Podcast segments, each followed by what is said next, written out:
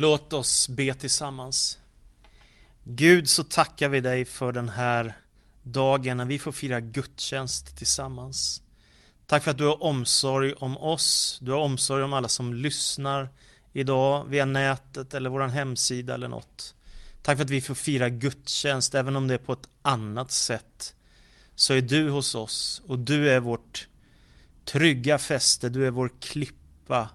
Och tack för att vi får be i ditt namn. Tack för att du hör oss. Så ber vi i Faderns, Sonens och den helige Andes namn. Amen. Temat för dagens predikan är den största kärleken. Den största kärleken. Det är en märklig tid som vi lever i nu. Coronaviruset har drabbat världen med stor kraft och vi ser mänskligt lidande människor som drabbas av sjukdom, som drabbas av virus och det är smärtsamt att följa. I det läget kan man fundera på, är vi utlämnade helt åt oss själva? Är det bara vi som är här och vi försöker hjälpa varandra så gott som det går med sjukvård, med omsorg, med att handla mat eller vad det nu är för någonting? Eller finns det en högre makt som har omsorg om oss? Jag vet att en eh, svensk journalist som arbetar i New York skrev i en av våra stora kvällstidningar för några veckor sedan Jag brukar inte skriva sakralt, skrev han. Men den här gången gör jag det. Herre, förbarma dig över oss. Och så berättar han att gatorna i New York, denna gigantiska stad, var helt tomma på människor och många har blivit sjuka i Corona. Och sen så skrev han på slutet av den här artikeln i skyttegravar finns det inga ateister. Det vill säga när livet drabbar oss på allvar och när, när vår existens är hotad då inser vi att vi behöver Gud. Och den kristna kyrkan har i 2000 år predikat att det finns ett starkt fäste, en klippa, en Gud att koppla koppla sitt liv till som gör att allting egentligen förändras. Att det finns en väldig, evig, kärleksfull, barmhärtig, helig, mäktig och stor Gud som är ursprunget till allt detta väldiga som existerar i universum. Det är en Gud som har omsorg om oss och som är god och barmhärtig. Den tanken har jag haft med mig när jag har varit på en bönesamling eller när jag har haft en begravning eller när vi har haft ett bröllop eller när vi har haft en ledarsamling i kyrkan eller när jag har åkt på en missionsresa eller när jag har gjort ett sjukbesök hos någon som är sjuk eller varit hemma hos någon av våra äldre medlemmar i vår kyrka. Att Gud bryr sig om oss. Vad är då den största tanken av alla?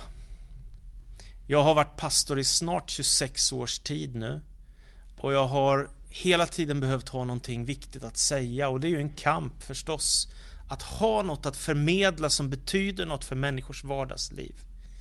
Och det kan vara så i predikningar, i samtal, i, i bibelundervisning och olika former av ledarsamlingar och träffar.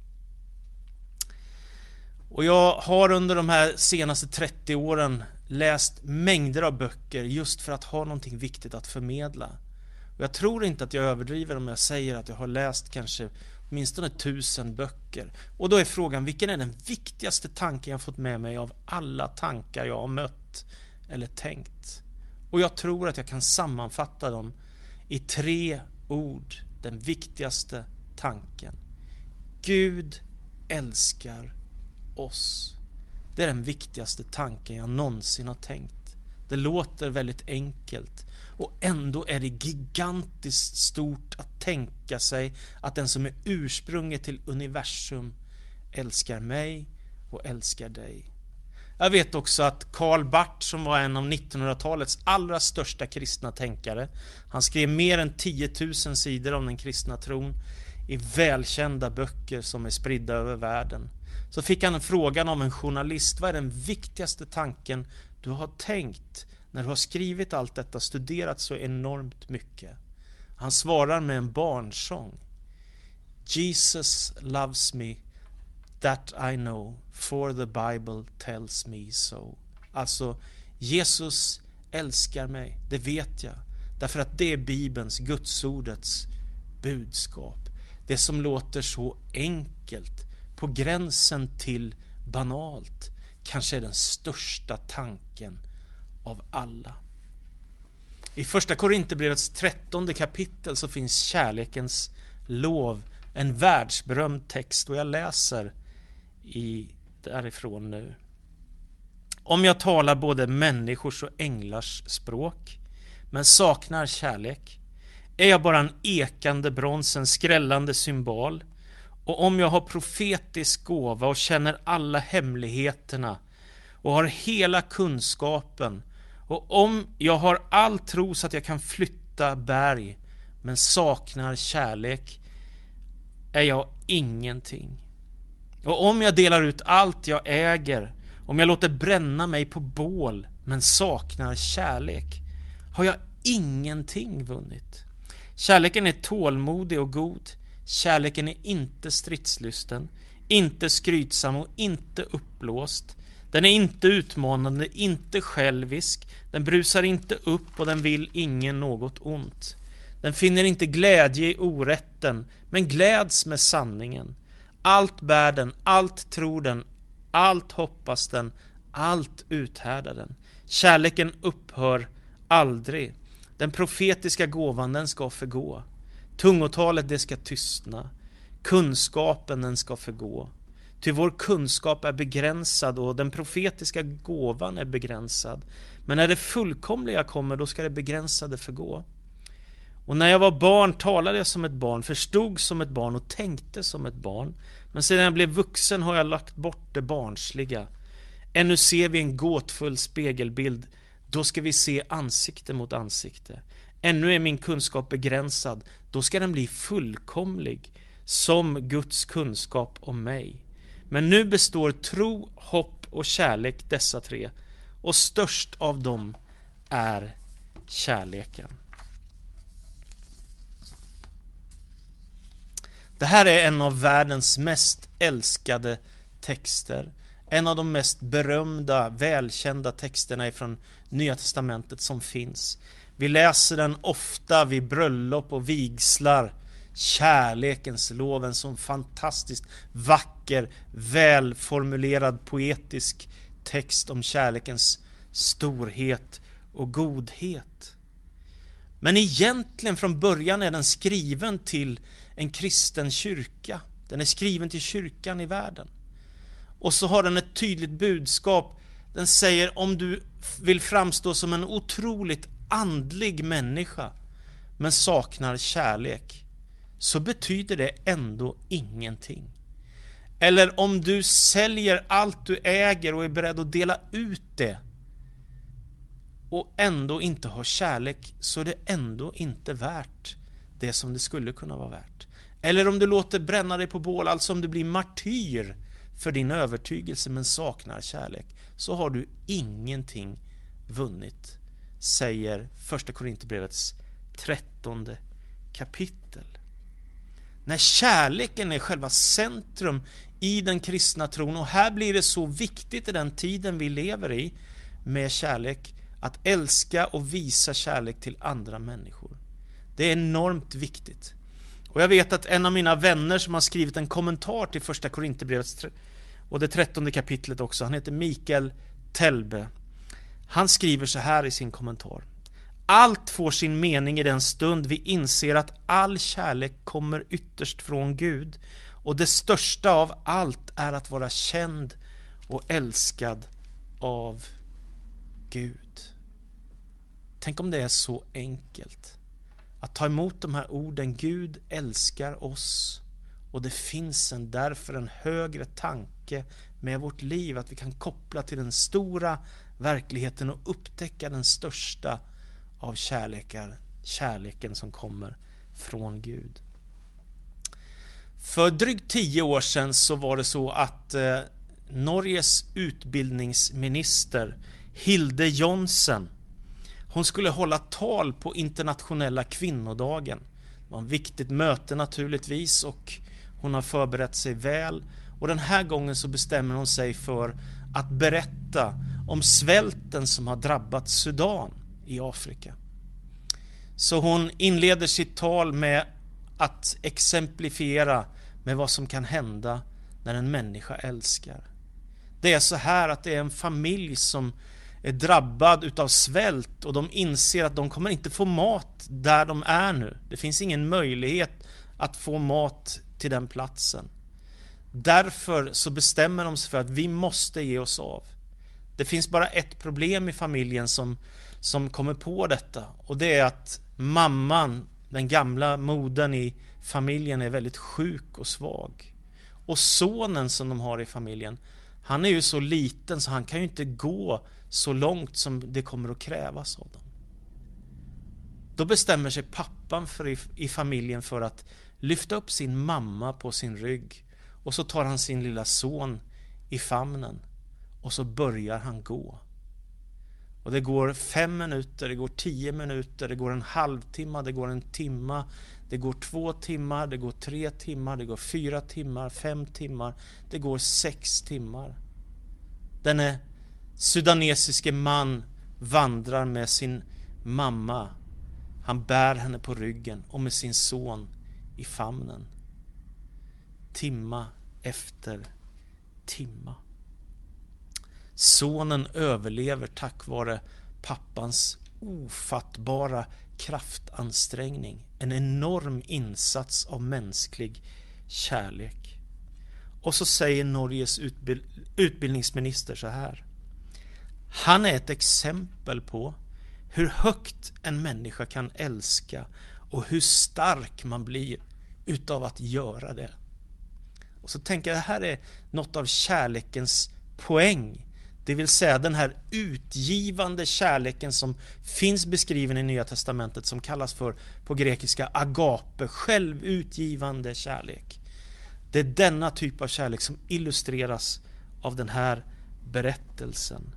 Man blir stark utav att älska, man blir stark av att visa kärlek. Och motsatsen, att hata, det är det mest destruktiva och kraftansträngande och som gör människor svaga och små. Att älska, det är hemligheten och det är den kristna kyrkans budskap. Då vill jag också säga att Jesus Kristus har gjort något ännu större. Han har inte bara burit en mor och en son, ett barn i sin famn.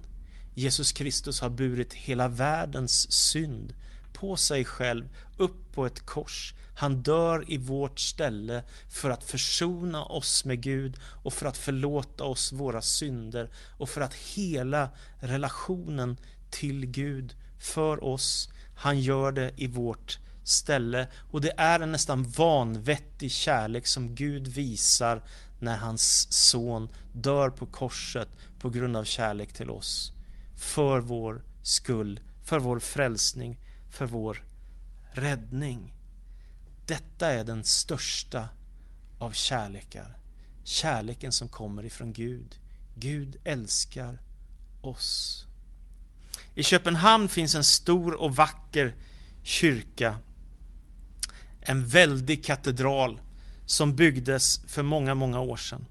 När kyrkan började bli färdigbyggd så bad man konstnären Bertil Thorvaldsen att vid altaret i kyrkan bygga en gigantisk Jesusstaty som skulle vara mer än 6 meter hög och spegla Jesu makt och storhet.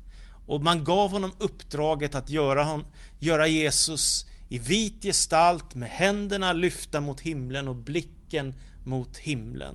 Det var uppdraget som han fick. Så konstnären satte igång med full entusiasm och började arbeta på ett av sitt livs stora utmaningar, att göra en riktigt vacker Jesusgestalt, Jesus-staty. Så han sätter igång där hemma. Han arbetar dag efter dag, vecka efter vecka, månad efter månad och till slut, när det börjar närma sig slutet, så har han gjort en riktigt vacker Jesus-staty med blicken mot himlen och med händerna mot himlen. När han är färdig så är han så trött så han ber vaktmästaren att städa undan det sista och, och, och liksom fixa allt det praktiska som behövs göras när han nu är färdig med sin Jesus-staty. Vaktmästaren gör ett misstag. Han stänger dörren och problemet var att det skulle stå öppet in till ateljén så att statyn kunde stor, to, torka ordentligt och, och bli helt perfekt som den nu var gjord utav Torvaldsen. Men när nu dörren stängs så påverkas naturligtvis statyn. Dagen efter så kommer Torvaldsen till ateljén och så upptäcker han misstaget som vaktmästaren har gjort. Dörren är stängd, lufttrycket är inte som det ska, utan det är påverkat på ett helt annat sätt. Han är fylld utav skräck och fasa. Han har lagt ner månader av arbete på den här Jesusstatyn och undrar nu, är allting förstört? Han öppnar dörren och till sin fasa så ser han att Jesu händer, de har sjunkit ner ifrån riktningen mot himlen till riktningen mot världen. Hans huvud som var lyft mot himlen har sjunkit ner och är nu riktat rakt fram, lite nedåt lutat. Först blir han vansinnig, han blir upprörd och han blir så frustrerad. Månader av arbete är förstört. Så lugnar han ner sig lite grann och så ser han på Jesus-statyn. Och helt plötsligt så händer något i hans hjärta. Det är som att, men det var ju så här vi skulle ha gjort från början. Jesus riktar sin blick mot världen, mot församlingen och han sträcker ut sina kärleksfulla händer mot världen, mot församlingen. Och så flyttas statyn till kyrkan i Köpenhamn. Där tar man emot den, det blir invigning och folk är helt fascinerad av hur vacker denna staty är. Och denna staty som egentligen är en felaktig staty har blivit kopierad i kyrka efter kyrka över världen. Man kan till och med idag köpa sådana här små Jesus-statyer som är Torvaldsens Jesus. Visst är det lite fascinerande? Det som blev fel blev ännu bättre och gestaltar kärleken ifrån Jesus Kristus. Till slut den här kärleken, den största kärleken av allt som kommer ifrån Gud, den måste uttryckas bland oss här och nu, där vi bor, där vi finns. Vi finns till för varandra och vi hör ihop.